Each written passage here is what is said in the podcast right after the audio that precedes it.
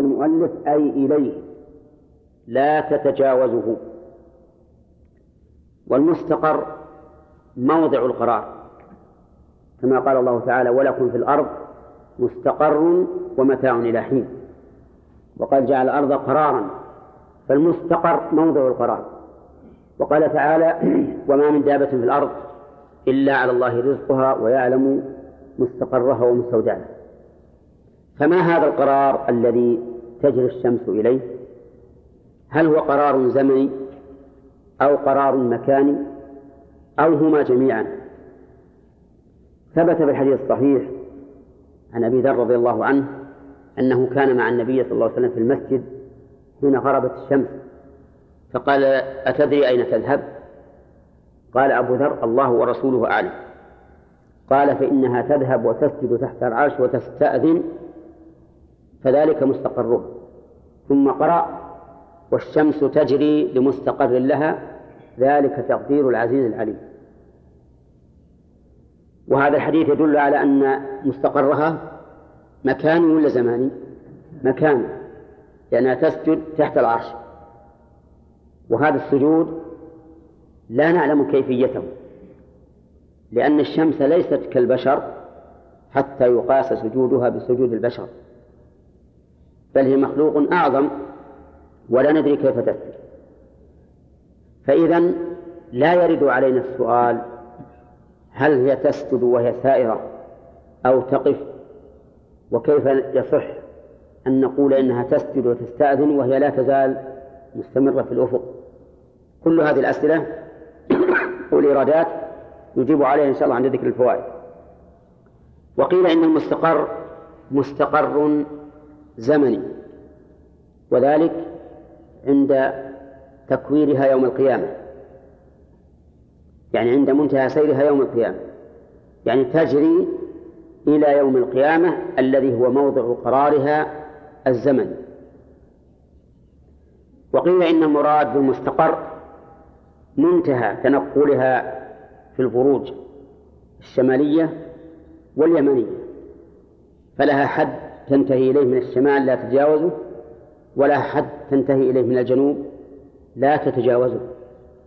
وبناء على هذا يكون المستقر زمانيا ومكانيا لأن غاية منت... غاية سيرها في الشمال يكون به ابتداء فصل الشتاء. وغاية سيرها في الجنوب آه نعم. لأن غاية سيرها في الشمال يكون به ابتداء فصل الصيف القيض. وغاية سير سيرها في الجنوب ابتداء فصل الشتاء. فهذا قرار أو مستقر زماني ومكاني. فالشمس هذه الشمس العظيمة التي لا يعلم قدرها إلا الذي خلقها سبحانه وتعالى بما فيها من المصالح العظيمة تجري لمستقر لها كل شيء له غاية وكل شيء له منتهى. إلى من؟ إلى الله عز وجل. قال ذلك أي جريها تقدير العزيز في ملكه العليم بخلقه. ذلك أي جريانها لمستقرها. تقدير العزيز العليم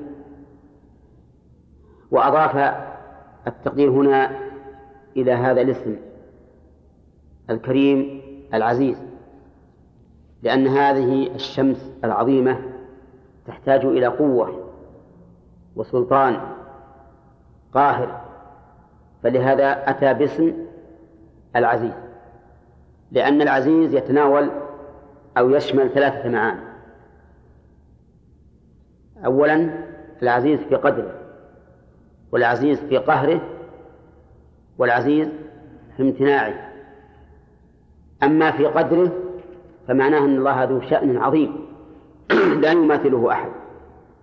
وأما في قهره فمعناه أن الله له الغلبة والسلطان المطلق. أين يقول الشاعر الجاهلي؟ أين المفر؟ والإله الطالب والأشرم المغلوب. ليس الغالب. وأما في امتناعه فالمعنى أنه ممتنع عن كل نقص وعيب. أما العليم فمعناه ذو العلم الكامل الشامل. فعلم الله تعالى كامل لم يسبق بجهل ولا يلحقه نسيان. وشامل لكل صغير وكبير.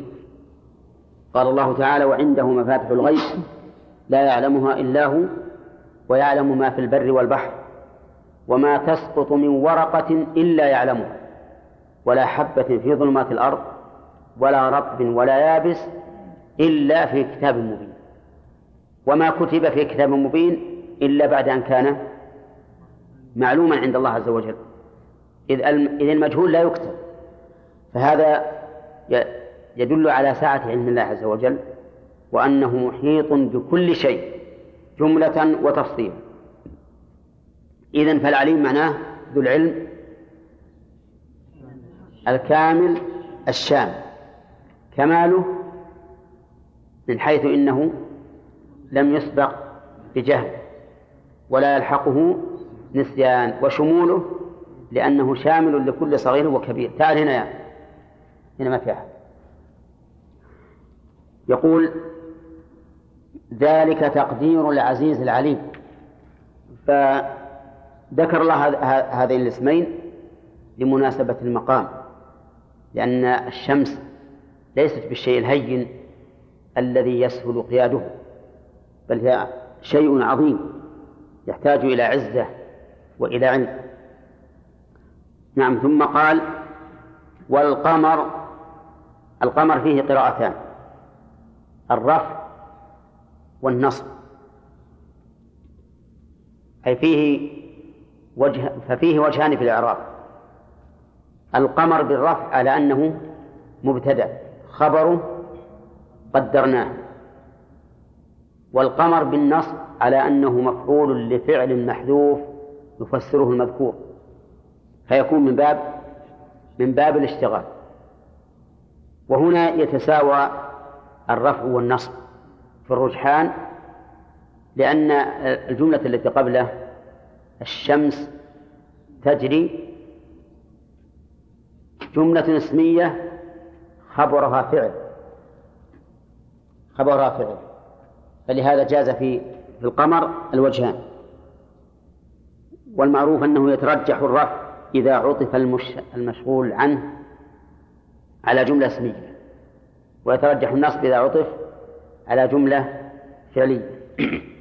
قال والقمر بالرفع والنصب وهو منصوب بفعل يفسره ما بعده. يعني يفسره المذكور. والتقدير على هذا وقدرنا القمر منازل. ولا حاجة تقول كما يقول بعض الناس التقدير وقدرنا القمر قدرناه. ليش؟ إذ لا يجمع بين المفسر والمفسر. فإذا أردت أن تقدر فقل التقدير وقدرنا القمر. إيش؟ منازل. نعم. فإذا قلت لماذا لم يقل عز وجل وقدرنا القمر منازل؟ قلنا لأنه إذا أتى بالجملة الاسمية التي خبرها فعل صار كأنه أسند هذا إليه مرتين. أسند الفعل اللي هو التقدير إلى القمر مرتين. مرة بذكره اسما ظاهرا ومرة بذكره اسما مضمرا قدرناه. قال الله تعالى والقمر قدرناه من حيث سيره منازل. تقدير الله عز وجل القمر منازل لأنه بهذا التقدير يمكن أن يأتي على هذا الوجه الذي نشاهده. يتغير كل ليلة عن الأخرى. ولولا هذا التقدير لولا هذا التقدير ما تغير. لكنه مقدر منازل ثمانية ثمانية وعشرين منزلا على حسب النجوم المعروفة عند العرب. كل, كل ليلة ينزل منزلة. كل ليلة ينزل منزلة. ويبقى ليلة واحدة إن كان تسعة وعشرين أو ليلتان إن كان ثلاثين. تسمى هاتان الليلتان ليالي الاستسرار يعني الاختفاء. يختفي فيها القمر. إما في أول الشهر التالي وإما في آخر الشهر السابق. يقول عز وجل والقمر قدرناه منازل ثمانية وعشرين منزلا في ثمان وعشرين ليلة من كل شهر ويستتر ليلتين إن كان الشهر ثلاثين ثلاثين يوما وليلة إن كان تسعة وعشرين يوما. ومن أراد التفصيل العلم في هذا فليقرأ ما كتبه أهل العلم في ذلك ولا سيما في في عصرنا هذا فإنهم اطلعوا على أشياء عجيبة في هذا التقدير. القمر قدره الله منازل كل يوم منزلة. إذا هو يختلف كل ليلة عن إيش؟ عن الأخرى. ولهذا يبدو صغيرا ثم يكبر ثم يعود يصغر بحسب قربه من الشمس. كلما قرب من الشمس ضعف نوره لأن نور القمر مستمد من نور الشمس. هو نفسه ليس به إضاءة. جرم مظلم كما قال الله تعالى وجعلنا الليل والنهار آيتين فمحونا آية الليل وجعلنا آية النهار مبصرة. فهو جرم مظلم لا يستفيد نورا إلا بغيره. فإذا قابل الشمس حصل فيه النور. كلما أبعد عنها كثرت المقابلة لأن السير كروي. السير كروي. فكلما قرب ضعفت المقابلة فإذا ارتفع زادت المقابلة. ولهذا يمتلئ نورا في فيما إذا كان في المشرق والشمس في المغرب لتمام المقابلة حينئذ لأنه يكون هكذا التقابل بينهما فيمتلئ نورا. وما هو وما هو الجزء المنير منه؟ الجزء المنير منه هو الذي يلي الشمس. والذي يلي الشمس. ولهذا تجد في أيام الشتاء إذا كان لأن الشمس خلفه تكون فتحة قوسه نحو المشرق. في أيام الصيف تكون فتحة قوسه نحو الجنوب لأن الشمس تكون عنه شمالا وهو يكون عنها جنوبا فتجده فتحته نحو نحو الجنوب وفي الشتاء حيث يستدبرها ويكون وراءها تجده تجد فتحته تكون نحو المشرق. ولهذا يغلط بعض الناس الذي يظن أن اتجاه فتحة القمر يعني فتحة قوسه دائما إلى الشرق أو إلى الجنوب. هذا ليس بصواب. وإذا أردت أن تعرف هذا فتدبره. طيب. يقول قدرناه منازل حتى عاد في آخر منازله في رأي العين كالعرجون القديم أي كعود الشماريخ. إذا عتق فإنه يدق يرق ويتقوس ويصفر. حتى عاد القمر بعد تقييد هذه المنازل كالعرجون القديم.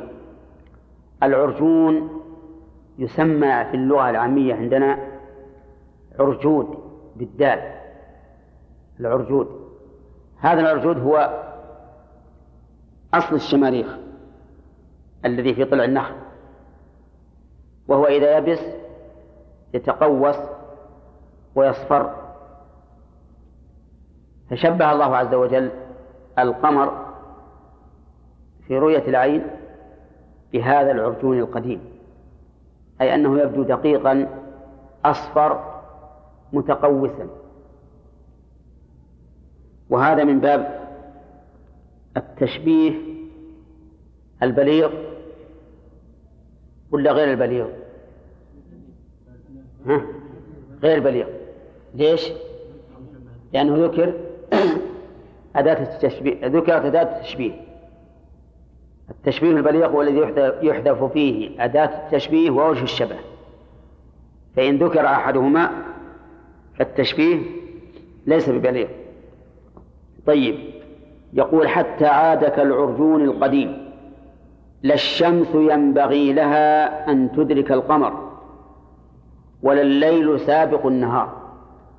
لما ذكر الله عز وجل أن الشمس تجري لمستقر لها وأن هذا أمر مقدر من قبل العزيز العليم وأن الله تعالى قدر القمر منازل ينزلها منزلة منزلة حتى يعود. بعد امتلائه نورا فيصير كالعرجون القديم. بين أن هذا النظام لا يمكن أن يتصادم. لا يمكن أن يتصادم أبدا. لأنه مقدر من عند من؟ من عند الله عز وجل العزيز العليم. منازل لا يتجاوزها ولا يتعداها. قال الشمس ينبغي لها أن تدرك القمر.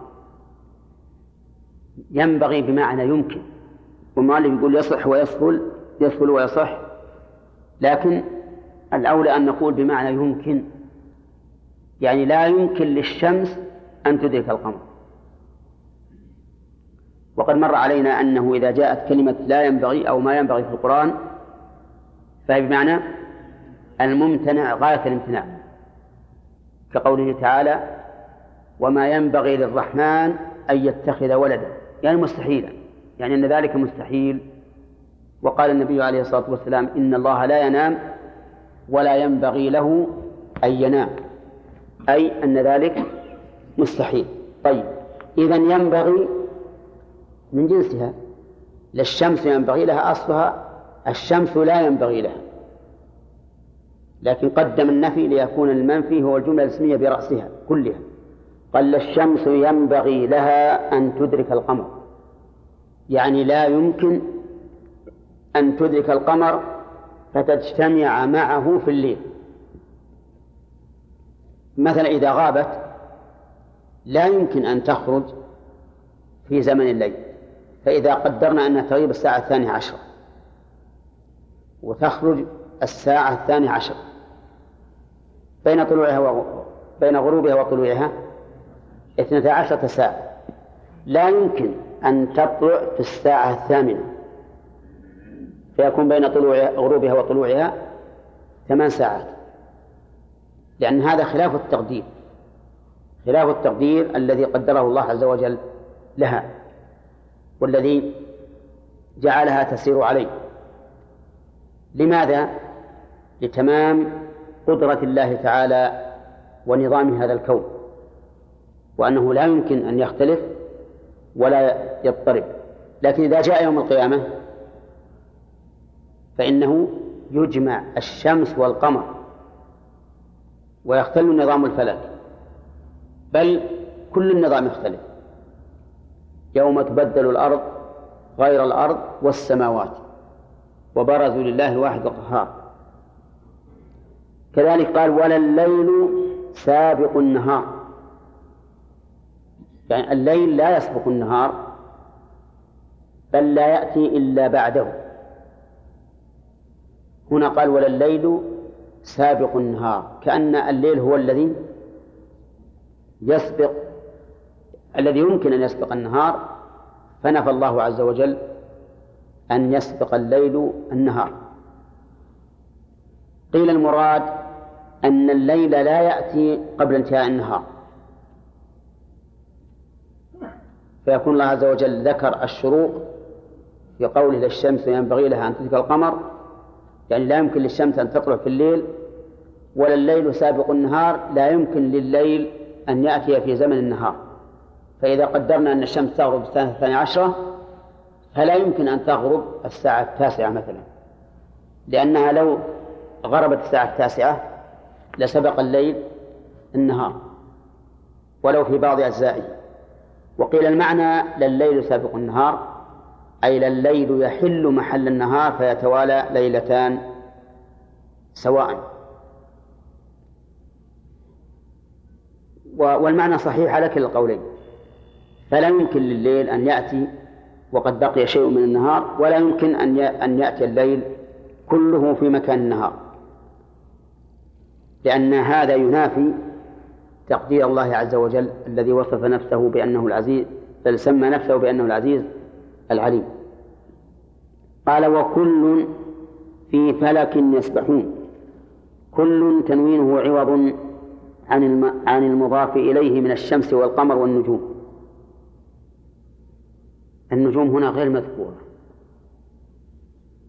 والصواب من الشمس والقمر لأنه لا ذكر للنجوم هنا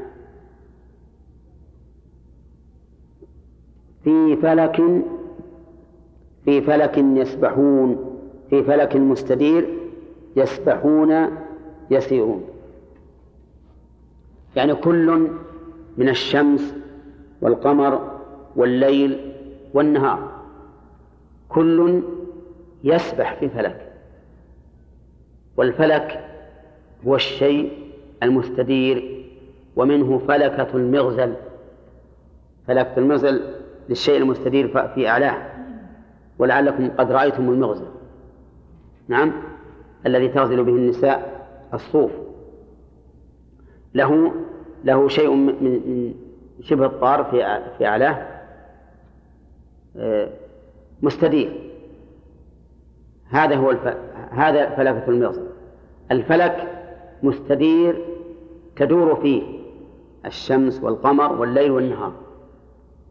وقول يسبحون أي يسيرون. ولكن المعنى أدق مما قال المؤلف لأن السبح هو العوم في الماء فكأن هذه عائمة في الفلك الواسع تدور ليست تسير على أرض مسطحة أو على ماء بل هي تعوم في هذا الأفق.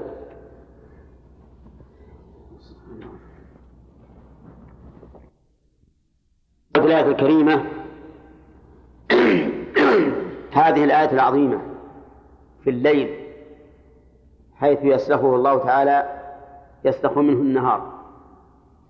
سلخا كما يسلخ الجلد من الشاة وهذا يدل على أنه يأتي شيئا فشيئا.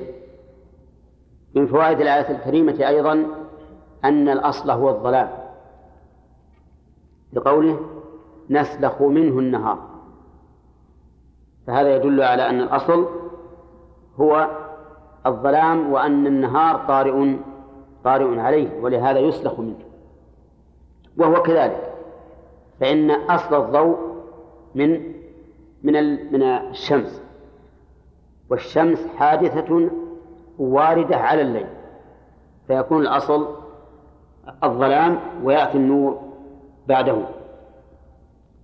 ومن فوائد الآية الكريمة تذكير الخلق بهذه النعمة لقوله فإذا هم مظلمون وأنه لولا نعمة الله علينا بهذا النهار الذي يسلخ من الليل لكنا دائما في ظلم. وهذا بلا شك متعب للناس وضار بهم. قال الله تعالى قل أرأيتم إن جعل الله عليكم الليل سرمدا إلى يوم القيامة من إله غير الله يأتيكم بضياء أفلا تسمعون ومن ثم قال والشمس تجري لمستقر الله إلى آخر الآيات فمن فوائدها أن الشمس تجري أي تسير. وهذا هو الواقع. وظاهر القرآن الكريم أن سيرها ذاتي وليس المراد أنها تجري برأي, برأي العين وأن الذي يدور هو الشمس هو الأرض. والواجب إجراء إجراء القرآن على ظاهره. حتى يقوم دليل صريح يكون لنا حجة أمام الله عز وجل إذا خرجنا عن ظاهر القرآن. لأن الذي يتكلم بالقرآن هو الخالق عز وجل.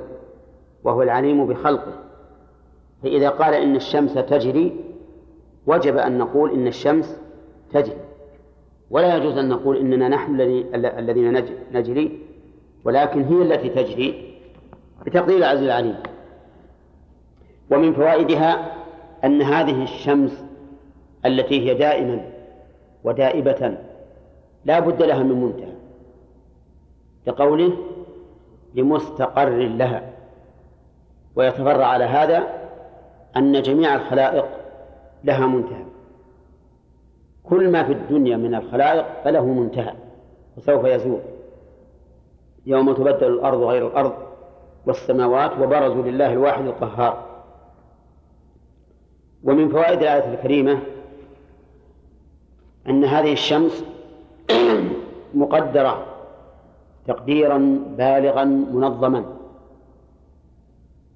كقوله ذلك تقدير العزيز العليم.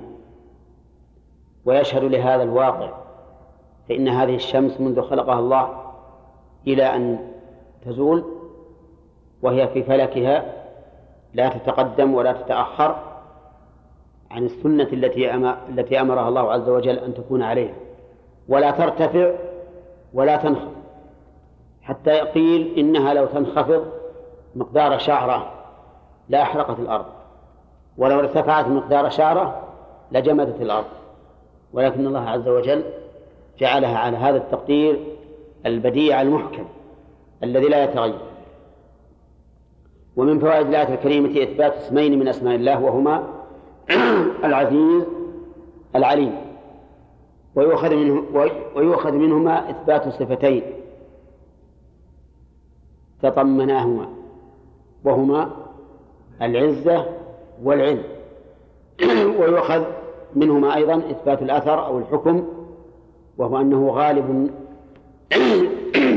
غالب لكل أحد وعليم بكل شيء. ومن فوائد الآية في قوله تعالى والقمر قدرناه منازل من فوائدها أيضا أن هذا القمر آية من آيات الله عز وجل حيث هو موضوع في فلكه ومع ذلك له منازل. ينزلها كل ليلة. ليس مطلقا ولكنه مقدر بمنازل ينزلها كل ليلة. والحكمة من هذه المنازل هي أن يعرف الناس عدد السنين والحساب. كما قال الله تعالى هو الذي جعل الشمس ضياء والقمر نورا وقدره منازل لماذا؟ لتعلموا عدد السنين والحساب. حتى إن العالمين بمنازل القمر يعرفون الليلة من الشهر وإن كانوا لم يحسبوا من أول الأمر. بناء على معرفة المنازل لأن هذه المنازل لا تتغير وحلول القمر فيها أيضا لا يتغير. فهي منظمة من عند الله عز وجل ومن فوائد الآية الكريمة إثبات القياس لقوله حتى عاد كالعرجون القديم وكل تشبيه أو مثل في القرآن فإنه يدل على القياس لأن التشبيه أو المثل إلحاق شيء بشيء لعلة التي تسمى في البلاغة وجه الشبه ومن فوائد الآية الكريمة إطلاق القديم على غير الله. خلافا للمتفلسفة أو الفلاسفة الذين يقولون إن أخص وصف الله هو القدم. وهذا خطأ. لو كان هذا أخص وصف الله لم يوصف به سوى الله. والقدم لا يدل على الأزلية. فهذا العرجون وصفه الله بأنه قديم ومع ذلك فليس إيش؟ فليس أزليا إذ أنه حادث بعد أن لم يكن. وبه يتبين بطلان قول هؤلاء الذين يقولون إن أخص وصف الله عز وجل هو القدم لو قالوا أخص وصف الله هو الأولية لكنا نوافقهم على ما قال لأن الله هو الأول الذي ليس قبله شيء. وأما أن نقول إن القدم خص وصف الله مع أنه يوصف به الحادث فهذا دليل فهذا لا, لا يكون ولا يصح.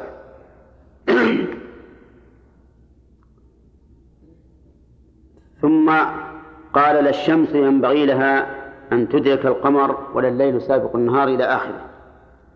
فيه أيضا الآيات التي قبلها فيه دليل على قدرة الله من حيث نور القمر حيث يبتدئ ضعيفا ثم يزداد في القوة ثم يرجع إلى الضعف. فإن هذا من قدرة الله عز وجل. إذ لو شاء لجعله تاما ممتلئا دائما أو ناقصا دائما. وفيه أيضا من الفوائد الإشارة إلى حال الإنسان. فإن الإنسان إذا تدبر القمر وجد أنه مطابق لحال الإنسان كما قال الله تعالى الله الذي خلقكم من ضعف ثم جعل من بعد ضعف قوة ثم جعل من بعد قوة ضعفا وشيبة. فحال الإنسان مساوية تماما لحال القمر فالقمر يبدو ضعيفا ثم يزداد في القوة حتى إذا تكامل في القوة أخذ في النقص وهكذا الإنسان بالنسبة لحياته. قال الله تعالى لا الشمس ينبغي لها أن تدرك القمر ولا الليل سابق النهار. في هذه الآية دليل على أن سنة الله عز وجل لا تتغير. هذا هو الأصل. كما قال الله تعالى ولن تجد لسنة الله تبديلا ولن تجد لسنة الله تحويلا. فسنة الله سبحانه وتعالى لا تتغير في الكون. ولكن هل هي سنة لازمة بحيث يمتنع على الله أن يغيرها؟ الجواب لا. ولكن الله تعالى أخبرنا بأن هذه السنة لا تتغير إلا كنها تتغير بتغييره. ولهذا حبست الشمس ليوشع بن نون كما جاء في الأحاديث الصحيحة. ولهذا أيضا إذا كان قرب الساعة إذا كان قرب الساعة فإنها تخرج من أين؟ من مغربها. ولهذا انشق القمر في عهد النبي صلى الله عليه وسلم وصار فرقتين. فهذه السنن الكونية لا تتبدل ولا تتغير لكن الله قادر على أن يبدلها أو يغيرها ويكون هذا لسبب. ومن فوائد الآية الكريمة أن الشمس لا يمكن أن تخرج ليلا. لا يمكن. بحسب السنة الإلهية. أما بحسب قدرة الله فإنه إيش؟ يمكن أن تخرج ليلا. يمكن أن تخرج ليلا لأن الله يقول كن فيكون. ومن فوائد الآية الكريمة أيضا أن الليل لا يسبق النهار فلا يدخل عليه ولا يتقدمه بحيث تتوالى ليلتان جميعا. ولا الليل سابق النهار. هذا هو ما يظهر لنا من هذه الآية الكريمة. وقد يكون لها معنى غير غير ما نفهمه من ظاهرها. ولهذا ربما يكون الذين يدرسون في علم الفلك يتبين لهم من هذا التعبير أكثر مما تبين لنا. ومن فوائد الآية الكريمة أيضا أن الشمس والقمر والليل والنهار في فلك يعني في شيء مستدير كفلكة المغزى وأنها تدور لقوله وكل في فلك يسبحون. ومن فوائدها ضعف قول من يقول إن السماء في الس... إن الشمس في السماء الرابعة والقمر في السماء الدنيا.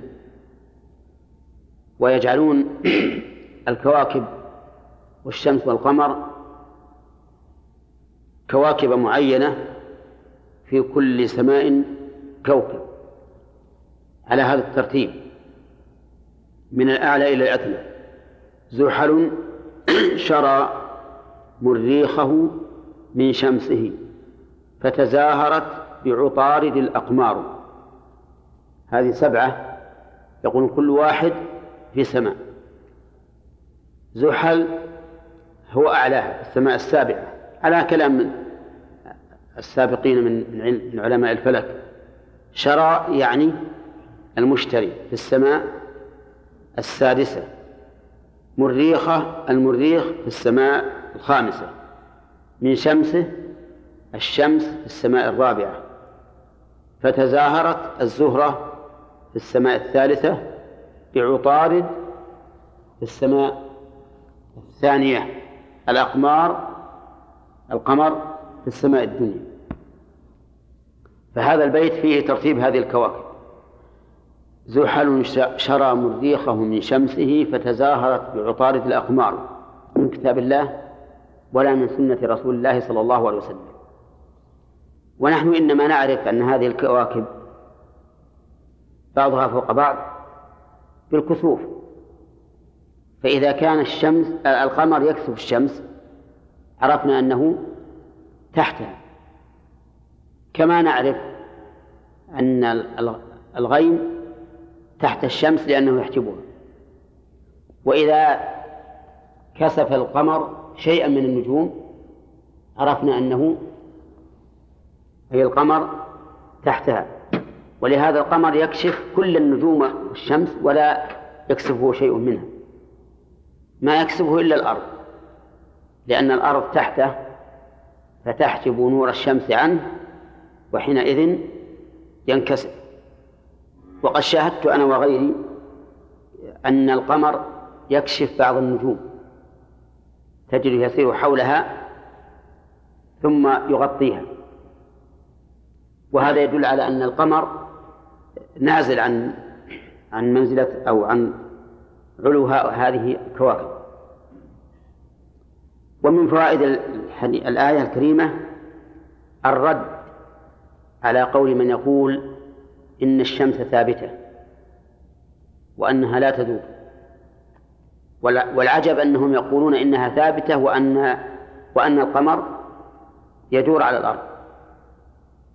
وهذا غلط لأن الله سبحانه وتعالى جعل الحكم واحدا قال كل في فلك يسبحون فإذا فسرنا السبح بالدوران وأثبتنا ذلك للقمر فلنثبته أيضا للشمس.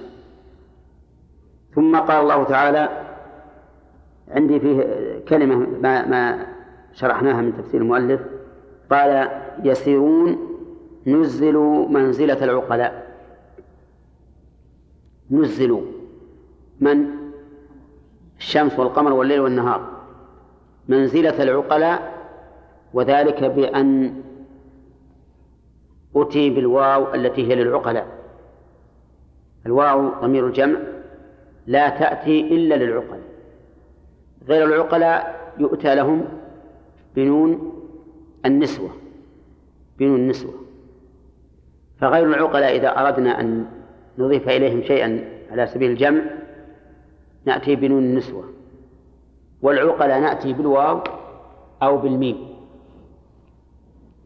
فتقول مثلا تقول الإبل ركبهن أربابهن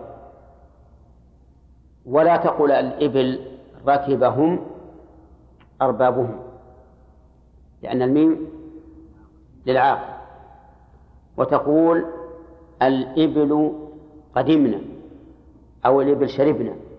ولا تقول شربوا لأن الواو للعاقل. هنا يسبحون. أتى بالواو التي للعاقل؟ يقول إنها نزلت منزلة العاقل. نزلت منزلة العاقل لإضافة السبح والجريان إليها والجريان إنما يكون من ذي الإرادة والعقل.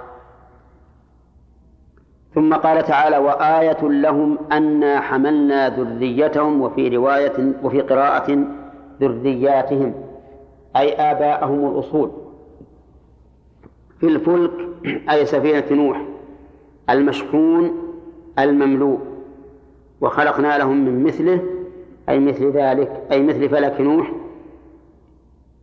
وهو ما وهو ما عملوه على شكله من السفن الصغار والكبار بتعليم الله عز وجل. ما يركبون.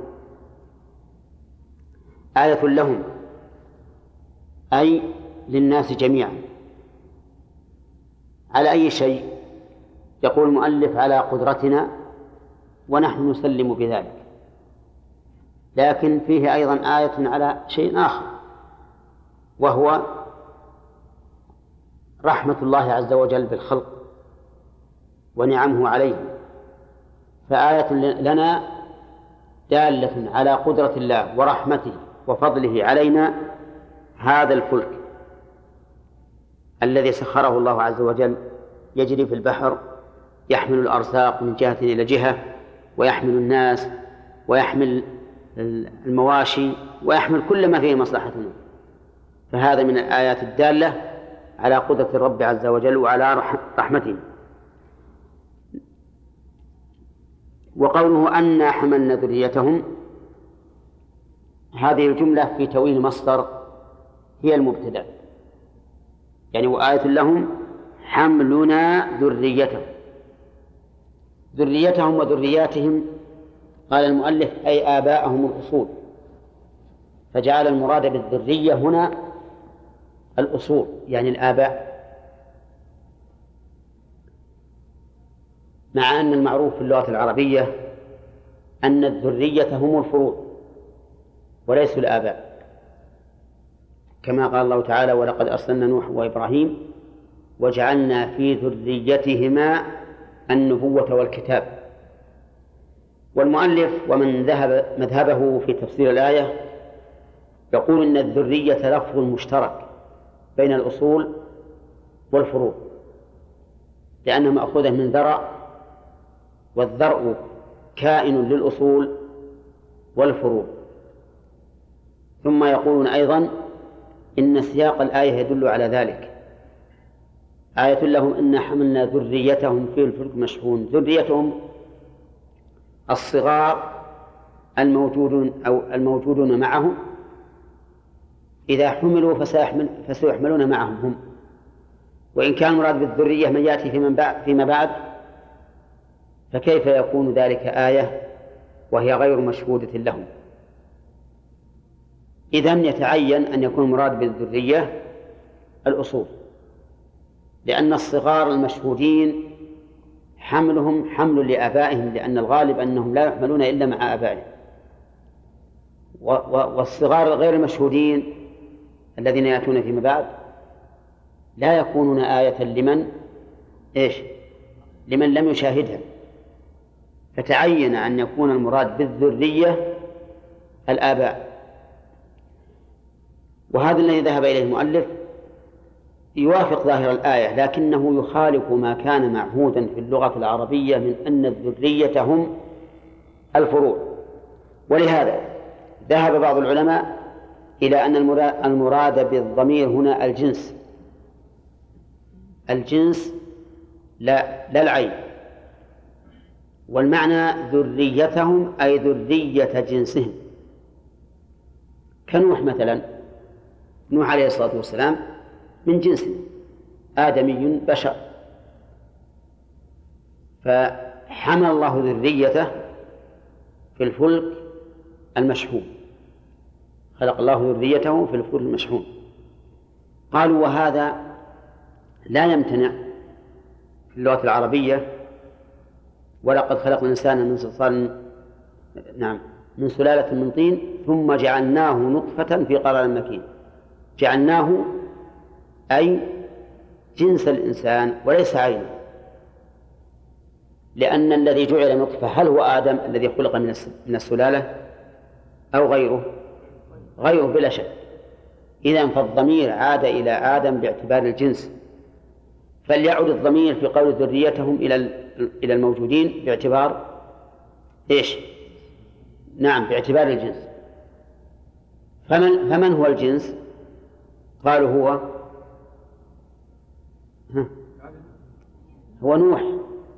نوح لأنه بشر آدم وذريته هي المحمولة فيكون معنى أن خلقنا ذريتهم أي ذرية جنسهم وهو ها وهو نوح عليه الصلاة والسلام. حملت ذريته في الفلك مشحون وخلق لهم من مثله ما يركبون. وهذا قريب جدا ولا يخالف ظاهر الآية. ولا يخالف ظاهر الآية ويشير إلى هذا إلى إلى أن هذه السفينة جعلت آية لمن لمن بعد نوح يعتبرون بها ويصنعون منها. قوله تعالى في سورة القمر ولقد تركناها آية فهل من مدكر. فيه رأي ثالث إن شاء الله نتكلم عليه غدا نعم.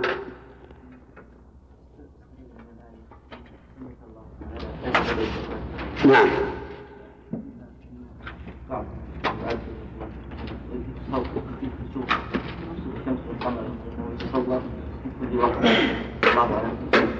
إيه. لا هذا مو صحيح. أي نعم. هذا ليس بصحيح. الذين قالوا إن الكسوف والخسوف يقع في كل وقت والله على كل شيء قدير نقول هذا ليس بصحيح. لأن الله تعالى اجرى العادة أن لا كسوف للشمس إلا في ليالي الاستسراء في آخر الشهر. وأن لا خسوف إلا في ليالي الإبداع. ويكون قول من قال من الأئمة إذا وقع الكسوف في عرفة بعد أن غربت الشمس إذا وقع فإنه يصلي ثم يدفع وقال هذا أمر فرضي وليس وليس بواقع ولا يمكن أن يقع هذا.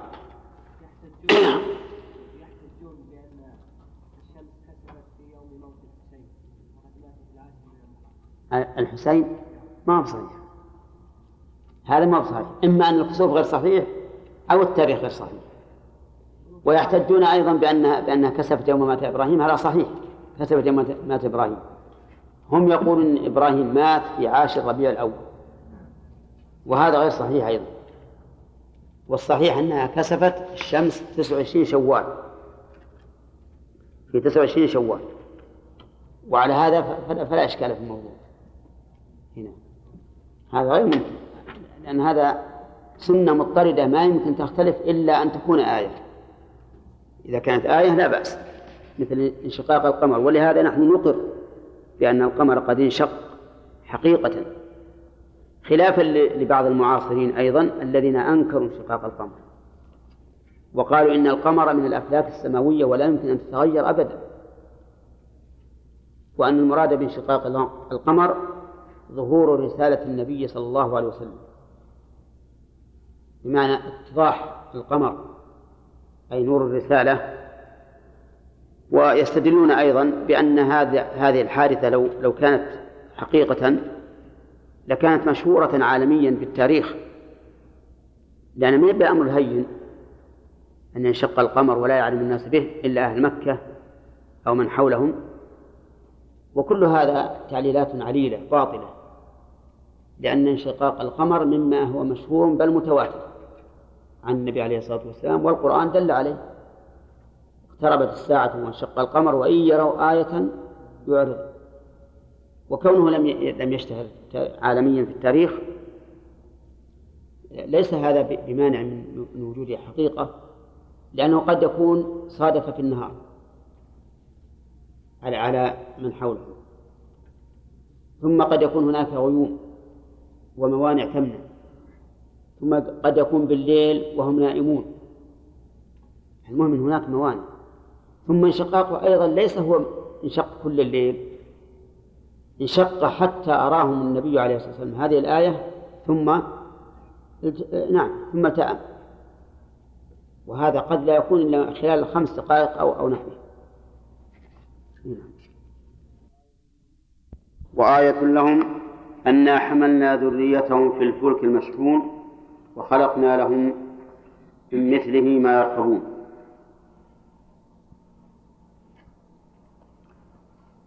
قوله تعالى وآية لهم أنا حملنا أين المبتدأ في هذه الآية؟ خالد نعم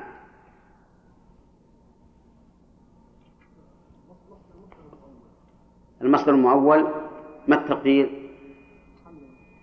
ها؟ للفروع فإن نقول المراد بالذرية هنا ذرية نوح وأضيفت إلى هؤلاء باعتبار الجنس. يعني حملنا الذرية من جنسهم في الفلك المشحون. وذكرنا لهذا نظير نظيرا وهو قوله تعالى ولقد خلقنا الإنسان من سلالة من طين ثم جعلناه نطفة. ما هو جعلنا الإنسان الذي خلق من السلالة؟ لأن الإنسان الذي خلق من السلالة هو آدم. ولا يمكن يكون في نطفة في قرار مكين. وإنما الذي يكون نطفة في قرار مكين ما كان من من جنس. طيب. فهذا القول هو الذي تطمئن إليه النفس ولا ولا يأبه السياق. قوله تعالى في الفلك المشحون. هذا مثل الدرس الآن. في الفلك أي سفينة نوح. فأل هنا للعهد الذهني لأنه لم يسبق لها ذكر. وليست للاستغراق لأن المراد بها فلك واحد فتكون أل هنا للعهد. إيش؟ الذهني يعني في الفلك المعهود في أذهانكم وهو الذي قال الله تعالى لنوح أن اصنع الفلك بأعيننا.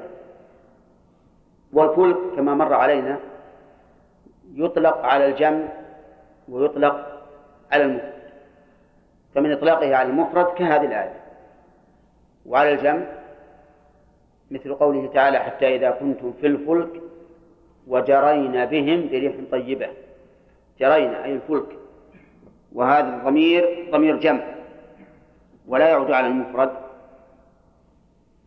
ولهذا قال بعض الفقهاء رحمهم الله إن الأحدب الذي حدبته كالركوع ينوي الركوع. قال وهذا كفلك في العربية. لا يدرى هل هو جمع ولا مفرد إلا إلا بالنية. فالأحدب المقوس الظهر كيف يركع؟ بالنية ينوي الركوع. لأنه ما زال راكعا. أحدب. نعم. وآية لهم أنا حملنا ذريتهم في الفلك أي سفينة نوح المشحون أي المملوء. مملوء بمن؟ مملوء بأناس من البشر الذين آمنوا مع نوح وما آمن معه إلا قليل. مملوء ببقية الحيوانات لأن الله قال أن فيها من كل زوجين اثنين. وقوله وخلقنا لهم من مثله أي مثل فلك نوح فلك نوح وهو ما عملوه على شكله من السفن الصغار والكبار. يذكرهم الله عز وجل أولا بحمل آبائهم السابقين اللي هم ذرية نوح وثانيا بأن الله تعالى خلق لهم من مثل هذه الفلك ما يركبون. كما قال تعالى ولقد تركناها آية فهل من مدكر. فالناس تعلموا كيف يصنعون السفن وصاروا يصنعون مثل هذه السفينة. ولعل قوله تعالى في سورة القمر وحملناه على ذات ألواح ودسر. فيها الإشارة إلى مواد هذا هذه السفينة أو هذا الفلك. لأجل أن يتعلم الناس. لأنه لم يقل حملناه على فلك بل قال على ذات ألواح ودسر كأنه يقول إن هذا الفلك مصنوع من الألواح والمسامير حتى يتعلم الناس مواد هذا الفلك. ثم ثم قال عز وجل وخلقنا لهم من مثله ما يركبون من مثله.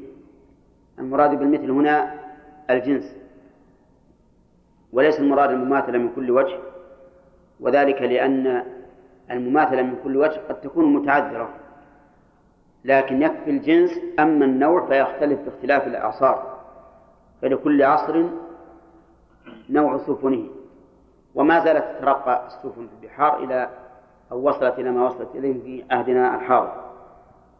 قال المؤلف رحمه الله تعالى بتعليم الله تعالى. بتعليم الله تعالى إشارة إلى سؤال مقدر كأنه قال كيف قال الله تعالى وخلقنا لهم من مثله وهذه السفن مصنوعة بأيدي البشر وليست بخلق الله كخلق البعير التي تركب والفرس وشبهها فأجاب المؤلف بأن الله تعالى أضاف خلقها إليه لأنها كانت بتعليمه. في هذه الآية من الفوائد أولا بيان ما في إنقاذ البشرية من الغرق في زمان نوح فإنه لولا أن الله أبقى هؤلاء لا زالت البشرية من الأرض. لكن الله تعالى أبقى نوحا ومن معه ومع هذا فلم يبقى من نسل الذين معه أحد وإنما الذين بقوا هم نسل نوح فقط. كما قال تعالى وجعلنا ذريته هم الباقين أما غيرهم فلم يبق منهم أحد. ولهذا يسمى نوحا أبا البشر الثاني. ثانيا من من فوائد هذه الآية بيان نعمة الله عز وجل بما أنعم على هؤلاء بتعليم السفن التي يركبونها في البحر. ولولا هذه السفن ما استطاع أحد أن يعبر من يابسة إلى أخرى بينهما ماء. ولكن الله أعلمهم بصناعة هذه حتى وصلوا إلى ما وصلوا إليه. ومن فوائد الآية الكريمة أن السفينة التي كان فيها نوح كانت مملوءة من البشر وغيرهم كقوله المشحون. ومن فوائد الآية الكريمة أن المماثلة قد لا تقتضي المساواة من كل وجه لقوله من مثله ولم يقل ولم وليست هذه وليست هذه السفن الموجودة والتي كانت في عهد نزول القرآن ليست كمثل سفينة نوح من كل وجه. ويدل على أن المماثلة قد لا تقتضي المساواة من كل وجه. قوله تعالى الله الذي خلق سبع سماوات ومن الأرض مثلهن فإن المراد بالمماثلة هنا المماثلة في العدد فقط. وإلا فإن بين الأرض والسماء من الفروق العظيمة ما هو ظاهر وفي قوله ما يركبون إشارة إلى الراحة الحاصلة بهذه السفن وأن محل ركوب واستقرار. ففيها أيضا بيان نعمة من الله سبحانه وتعالى باستقرار الراكبين على هذه السفن. ثم قال تعالى وإن نشأ نغرقهم فلا صريخ لهم ولا هم ينقذون إلا رحمة منا ومتاعا إلى حين. في الآية جملة شرطية. فعل الشرط فيها نشأ وجوابه نغرقه. وفيها أيضا استثناء مفرغ من أعم الأحوال وهو قوله إلا رحمة منا وهي مفعول من أجله أي إلا لأجل الرحمة التي من الله عز وجل. يقول الله عز وجل وإن نشأ نغرقهم. إن نشأ نغرقهم يعني إذا ركبوا في السفن. والأمر كذلك. قال الله تعالى ومن آياته الجوار في البحر كالأعلام. إن يشأ إن يشأ يسكن الريح فيظللن رواكد على ظهره إن في ذلك لآيات لكل صبان شكور. أو ها؟ أو يبقهن بما كسبوا ويعفو عن كثير.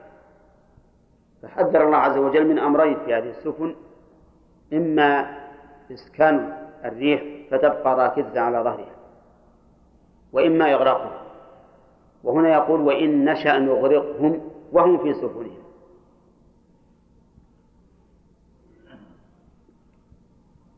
فلا صريخ له الصريخ بمعنى المغيث. وسمي المغيث صريخا لأن العادة أن الإنسان إذا هاجمه أحد صرخ يستغيث.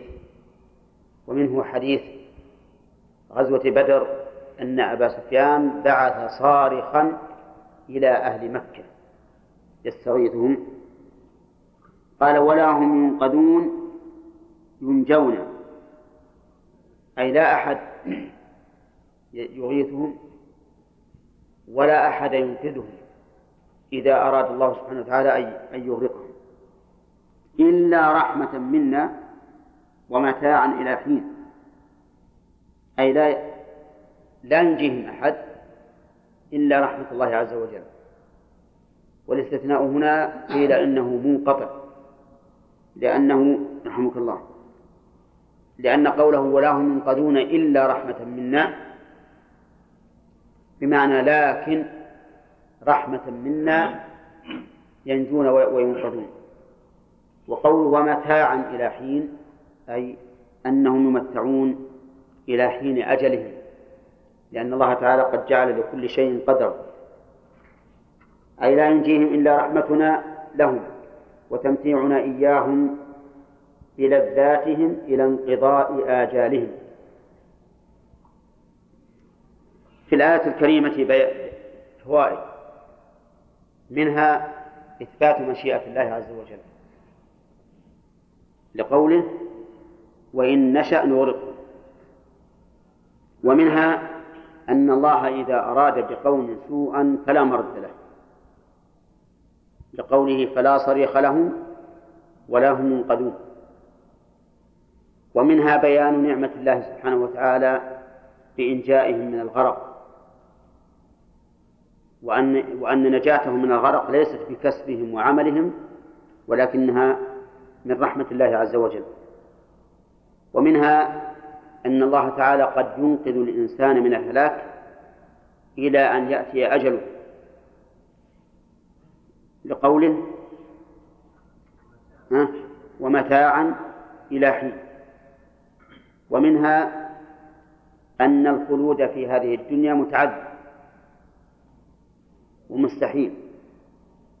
لقوله إلى حين.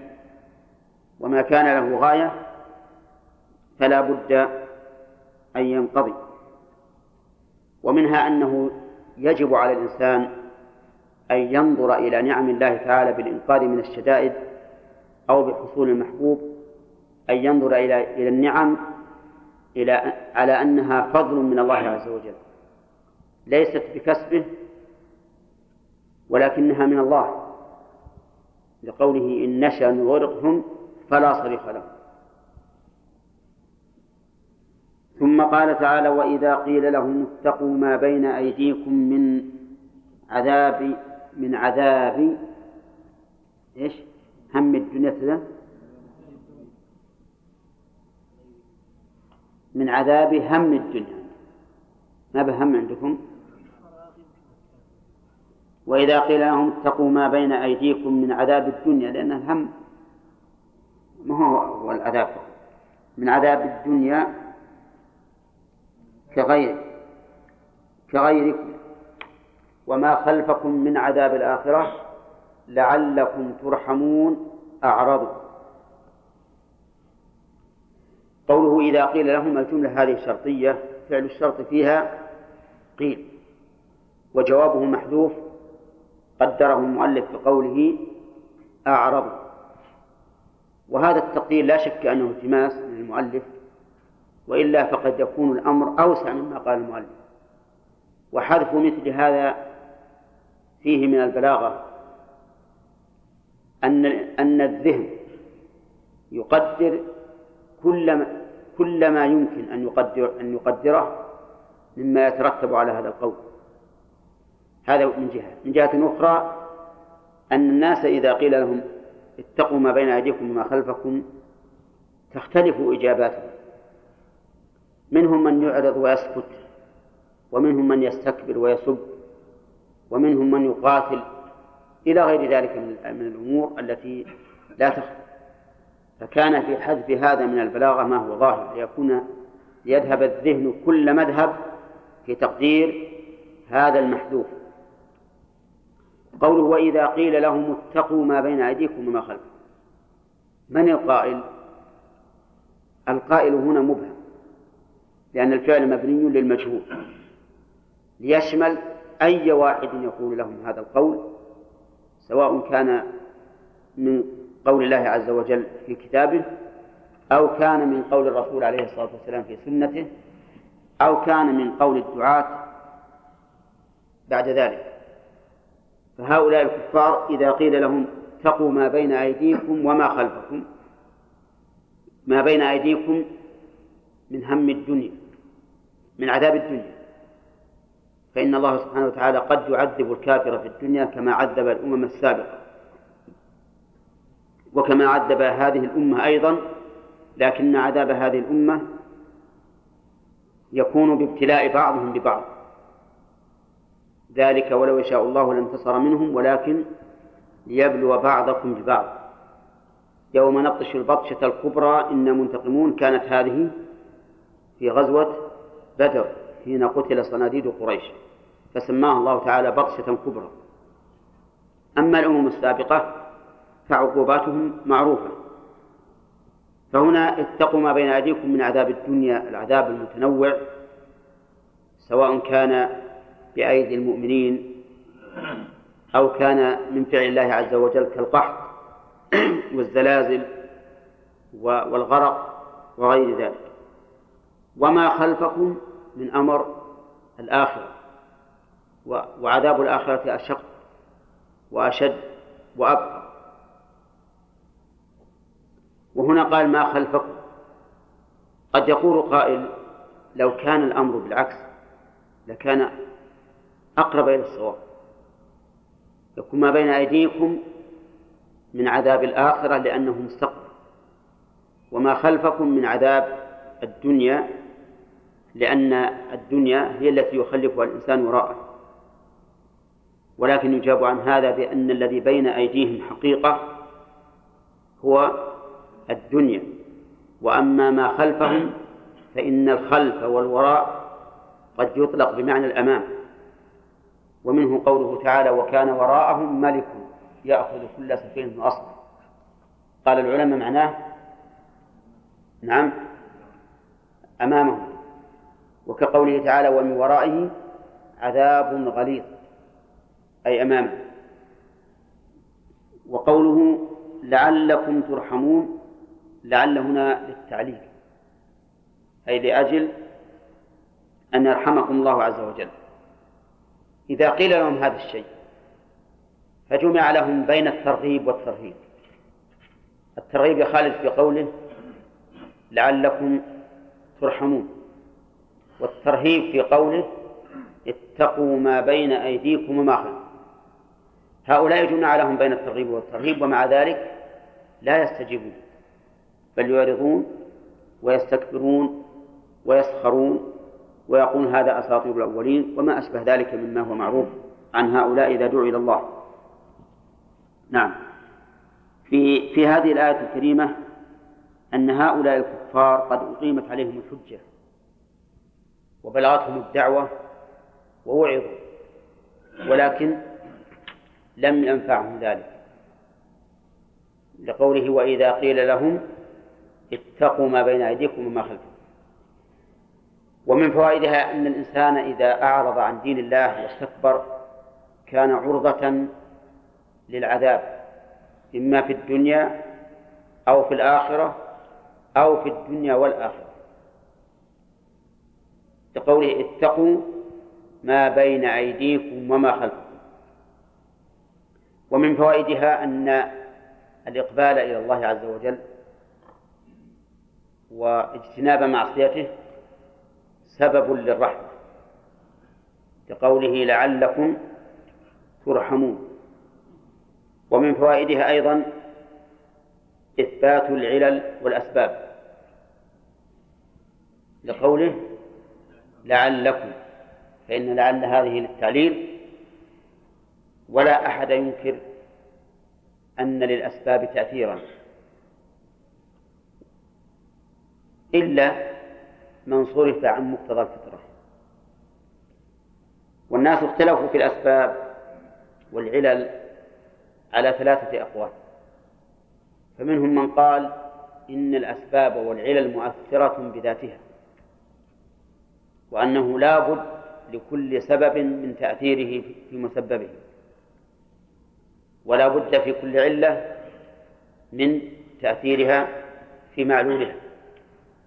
ومنهم من قال بالعكس وقال إنه لا تأثير للعلل والأسباب وإنما هي علامات وأمارات فقط. فإذا وجد المسبب أو المعلول لم يقولوا إن ذلك بسبب العلة لم يقولوا إن ذلك من أجل السبب أو العلة ولكن يقولون إن ذلك حصل عنده لا به. ولا ريب أن هؤلاء خالفوا المنقول والمعقول ولا أحد يوافقهم على ما ذهبوا إليه. والقول الثالث الوسط يقول إن للأسباب والعلل تأثيرا في معلولاتها ومسبباتها لكن بجعل الله ذلك فيها. فهي ليست مؤثرة بنفسها بل بما أودعه الله تعالى فيها من من الأمر الموجب للسبب أو للمعلوم. وهذا القول هو المتعين وهو الصواب بدليل أن الله تعالى قد يسلب هذه العلة أو هذا السبب قد يسلبه التأثير ولا يبقى له تأثير إطلاقا. وما قصة إبراهيم عليه الصلاة والسلام بغريبة حيث ألقي في نار تتأجج.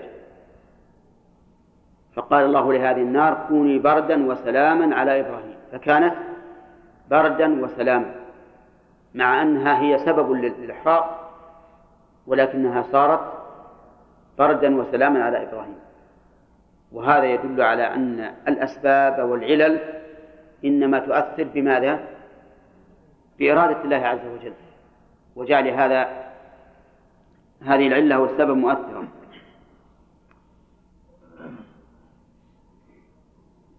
طيب ومن ومن فوائد الآية هذه والتي قبلها أيضا إثبات الرحمة لله عز وجل وهي من صفاته الذاتية الفعلية. الذاتية لأن الله لم يزل رحيما بعباده ولا يزال. الفعلية باعتبار تعلقها بالمرحوم فإنها تتجدد باعتبار المرحوم لا باعتبار أنها صفة من صفات الله. فهذا الذي الذي رحمه الله من من البشر حادث بعد أن لم يكن فتعلقت به الرحمة. ولا يخفى عليكم ما ذهب إليه الأشاعرة من إنكارهم الرحمة على وجه الحقيقة وادعائهم أنه يراد بها ها الإحسان أو إرادة الإحسان. ففسروها بالإرادة لأنهم يثبتون لله الإرادة أو بالإحسان لأنه مخلوق منفصل ليس من صفات الله. وهذا بلا شك قول باطل وضعيف وقد مر علينا بيان تعليلهم لإنكاره والرد عليه. قالوا إن الرحمة تقتضي إيش؟ رقة ولينا وضعفا. وهذا لا يليق بالله عز وجل. وقالوا أيضا إن الرحمة لا يدل عليه العقل. ونحن لا نثبت من الصفات إلا ما دل عليه العقل. وقد بينا أن هذا القول ليس بصواب. أولا أن الرحمة قد تقع من إنسان قوي وذي سلطان ويوصف بالرحمة حتى من البشر. وثانيا ادعاؤهم أن العقل لا يدل عليها باطل فإن العقل يدل عليها أكثر دلالة وأوضح دلالة من دلالة من دلالة التخصيص على الإرادة وقد مر علينا هذا كثيرا قال الله تعالى وهو أن ما يحتاج يعني ما يحتاج يسجل هذا بسيط. رأي ثالث نذكره وهو أن المراد بما بين أيديهم المعاصي التي التي في مستقبلهم ويخشى أن يفعلوها. وما خلفهم المعاصي الماضية. فيجعل المراد بما بين أيديهم وما خلفهم من الأعمال لا من عذاب الله. وسبق أن قلنا أن الآية إذا كانت تحتمل معاني المقولة فيها بدون تعارض فإنها تحمل على على الجميع. طيب. في الآية ما أظن أخذنا فوائد هذه الآية. ها؟ أخذنا الآية دي. إثبات الرحمة وإثبات الأسباب وما أخذنا كل ذا؟ طيب. قال الله تعالى ابتداء الدرس الجديد وما تأتيهم من آية قبل أن أبدأ بالدرس. رأيت الأخ ياسر أخذ من المناديل. أخذ منديل وحطه في مفاته. قال الله عز وجل وما تأتيهم من آية من آيات ربهم إلا كانوا عنها معرضين. أيضا سبق لنا الكلام عن الآية هذه. طيب. قال الله تعالى وما تأتيهم من آية من آيات ربهم. الضمير هنا يعود على المكذبين للرسل. يقول عز وجل ما تأتيهم آية من آيات ربهم ومن هنا زائدة زائدة زائدة لفظا لكنها تزيد في المعنى. فهي زائدة في اللفظ وزائدة للمعنى أي تعطيه معنى جديدا. ما هو المعنى الجديد؟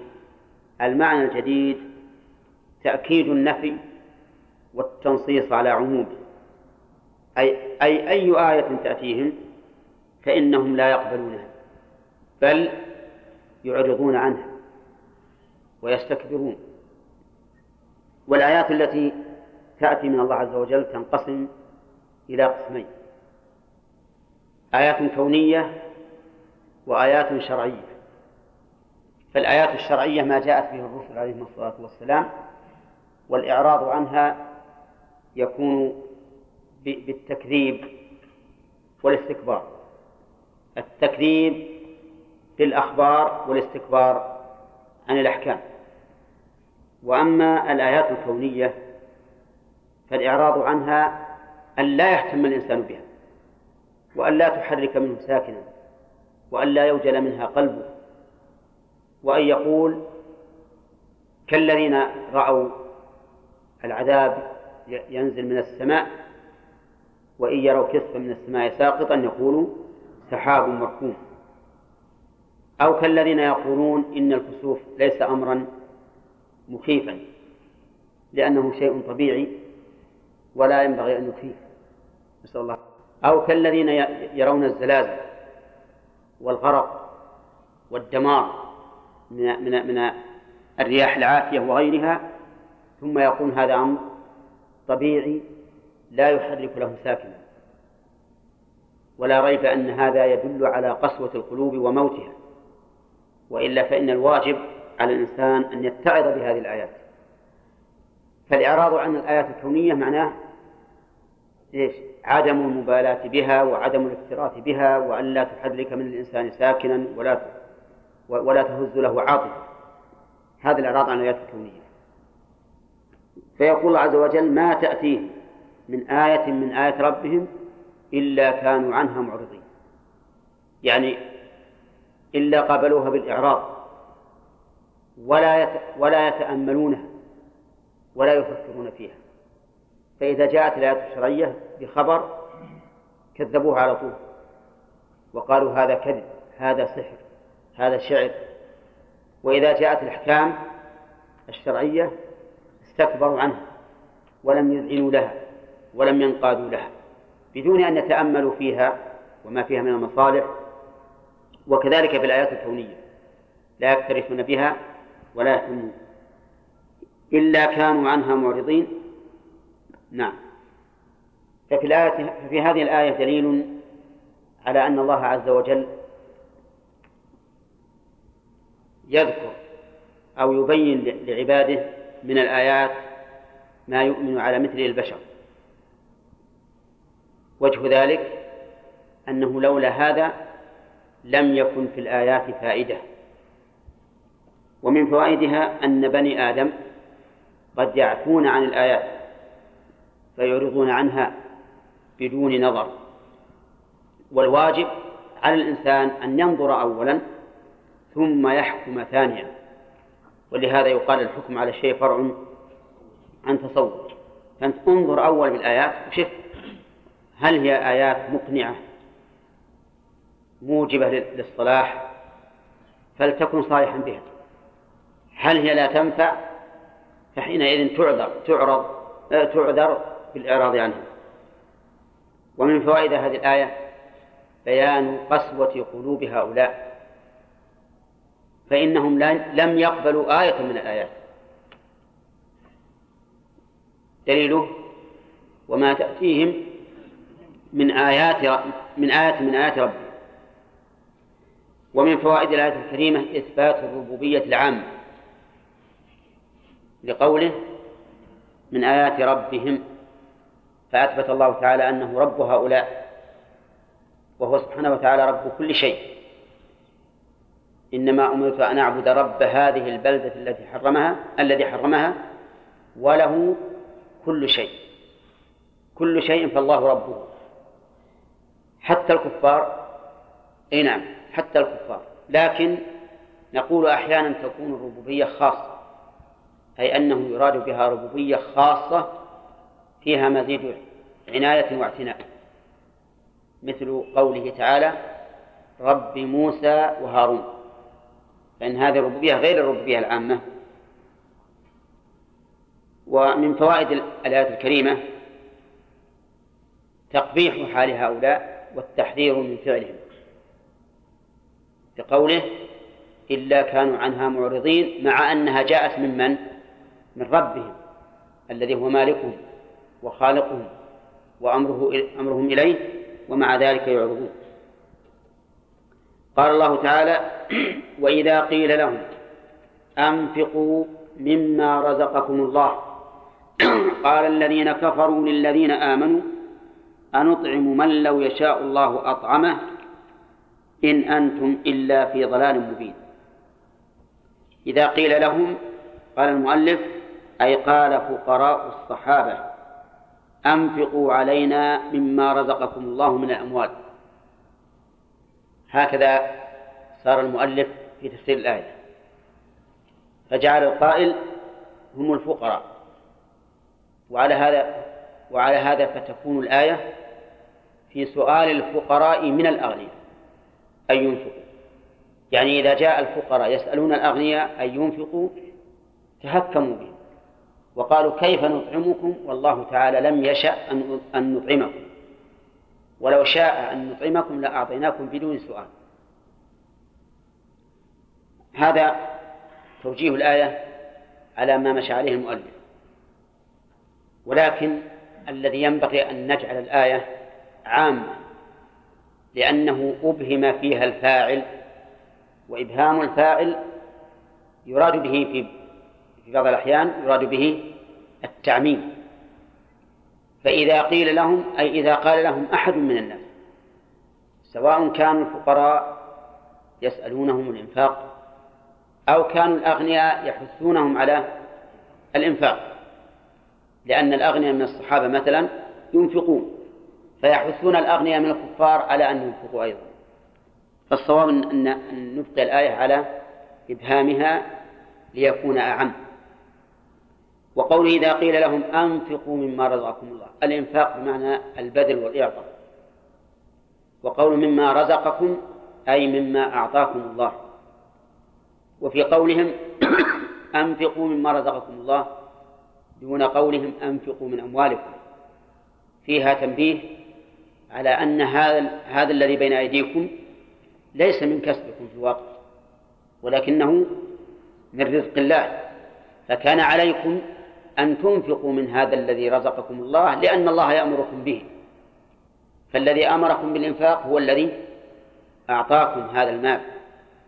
فكيف تنكرون فضله وتستكبروا عن أمره فلا تنفقوا فلا تنفقوا ففي قو... فهذا هو الفائدة في قوله مما رزقكم الله. الجواب قال الذين كفروا للذين آمنوا أنطعم من لو يشاء الله أطعمه. قول قال الذين كفروا للذين آمنوا. اللام هذه الأصح أنها على بابها. وأن المراد بها الصلة يعني قالوا قولا يصل للذين آمنوا. من الذين آمنوا؟ هم الذين قالوا لهم أنفقوا مما رزقكم الله. قالوا قال المؤلف استهزاء بهم. يحتمل ما ذكر المؤلف أنه استهزاء ويحتمل أنه من باب من باب الاحتجاج بالقدر عنادا وتحججا. يقولون أنطعم من لو يشاء الله أطعمه. من هنا بمعنى الذي؟ بمعنى الذي. ويجوز أن تكون نكرة موصوفة. أي نطعم أحدا لو يشاء الله أطعمه من دوننا. أو أن نطعم الذي لو يشاء الله أطعمه. ولو هنا حرف امتناع الامتناع. وشرطها قوله يشاء. وجوابها أطعمه. وقد أتت على خلاف الأكثر حيث حذفت اللام من الجواب. والأصل من لو يشاء الله لأطعمه فإن فإن جواب لو إذا كان مثبتا فالأكثر فيه إثبات اللام. وقد وقد تحذف اللام. وقد اجتمع الأمران في قوله تعالى أفرأيتم ما تحرثون؟ أأنتم تزرعونه أم نحن الزارعون؟ لو نشاء لجعلناه حطاما فظلتم تفكهون. ثم قال أفرأيتم الماء الذي تشربون؟ أأنتم أنزلتموه من المزن أم نحن المنزلون لو نشاء جعلناه أجاجا فلولا تشكرون. فأتت اللام في جواب لو في الآية في الآية السابقة وحذفت من الآية الثانية. هذا هذه الآية التي معنا من باب محذوف الله. أن يطعم من لو يشاء الله أطعمه. قلنا إنهم يقول قال المؤلف قال المؤلف إنهم يقولون ذلك استهزاء وتهكما. يعني أن نطعم قوما لو شاء الله لأطعمهم؟ فإطعامهم لنا إلينا ولا إلى الله؟ إلى الله. ويحتمل أنه من باب إيش؟ الاحتجاج بالقدر فرارا من اللوم. يعني أن نطعم قوما لو يشاء الله أطعمهم فأطعمناهم فأطعمناهم ولكن الله تعالى لم يشاء أن نطعمهم فلا نطعمهم. هذا وجهين. الوجه الثالث يحتمل أنهم قالوا هذا اعتراضا على القدر. اعتراضا على القدر كما يقوله الاشتراكيون والشيوعيون. ليش إن الله يجعل هذا فقير ولا يعطيه؟ فكأنهم يقولون في جوابهم هذا كأنهم في جوابهم هذا يعترضون على الله. يقول الذي يطعمهم من؟ الله. ما إحنا المسؤولين عنه؟ المسؤول عنهم الله وكان على الله أن يطعمهم لكن لم يشأ ذلك. فيكون هذا فيه نوع من الاعتراض على القدر. فهذه ثلاثة أوجه. الاستهزاء والثاني الاحتجاج بالقدر والثالث الاعتراض على القدر. ثم قالوا إن أنتم أي ما أنتم في قولكم لنا ذلك مع معتقدكم هذا إلا في ضلال مبين بين. يعني يعني هؤلاء الكفار الذين أمروا أن ينفقوا على الفقراء يقولون للذي أمرهم أنت تعتقد أن الله لو شاء لأطعمه فيقول أعتقد ذلك. يقول إذن كيف تأمرنا أن نطعمهم والأمر بمشيئة الله؟ ما أنت إلا في ضلال مبين. وقول إن أنتم إن هنا ها؟ نافية ولا شرطية بمعنى ما؟ ما الدليل على أنها نافية؟ إلا لوجود إلا بعدها وإذا جاءت إلا بعد إن فهي دليل فهي دليل على أن إن نافية. ومر علينا قبل أيام قليلة أن إن ترد في اللغة العربية على أربعة أوجه. على أربعة أوجه. الأول طيب ومثاله؟ بنو غدانة؟ ما إن أنتم ذهب ولا صريف ولكن أنتم الخزف. طيب. تأتي أيضا خالد؟ شرطية. مثاله؟ ولا تأتينا بشاهد من القرآن أو من السنة أو من كلام العرب؟ نعم. إن يكن غنيا أو فقيرا فالله أولى بهم. هذه إن شرطية طيب ثالثا فوزي وتأتي نافية مثاله؟ طيب. مخفف من الثقيل مثاله؟ قول الشاعر وإن مالك كانت كرام المعادي طيب. وقول المؤلف مبين قال أي بين فهي من أبان الناقص أو من أبان المتعدي. أبان تأتي متعدية ولازم فيقال أبان الشيء بمعنى أظهره. ويقال أبان الصبح بمعنى ظهر. بمعنى ظهر. إذا مبين من الرباعي من أبان يبين فهو مبين. يحتمل أن تكون بمعنى بين على أنها من من من القاصر ولا من المتعدي؟ من القاصر. ويحتمل في غير هذا السياق أن تكون بمعنى أبان مثل القرآن المبين وقرآن مبين. ليس المعنى وقرآن بين بل وقرآن مبين للحق. نعم. قال الله تعالى ويقولون متى هذا الوعد؟ لا قبل. قال المؤلف والتصريح بكفرهم وللتصريح بكفرهم موقع عظيم. وين؟ وإذا قيل لهم أنفقوا ما رزقكم الله قال الذين كفروا. ولم يقل؟ قالوا. قال الذين كفروا. فله موقع عظيم. ما هذا الموقع العظيم؟ هذا الموقع العظيم أولا التصريح بكفر هؤلاء. التصريح بكفر هؤلاء.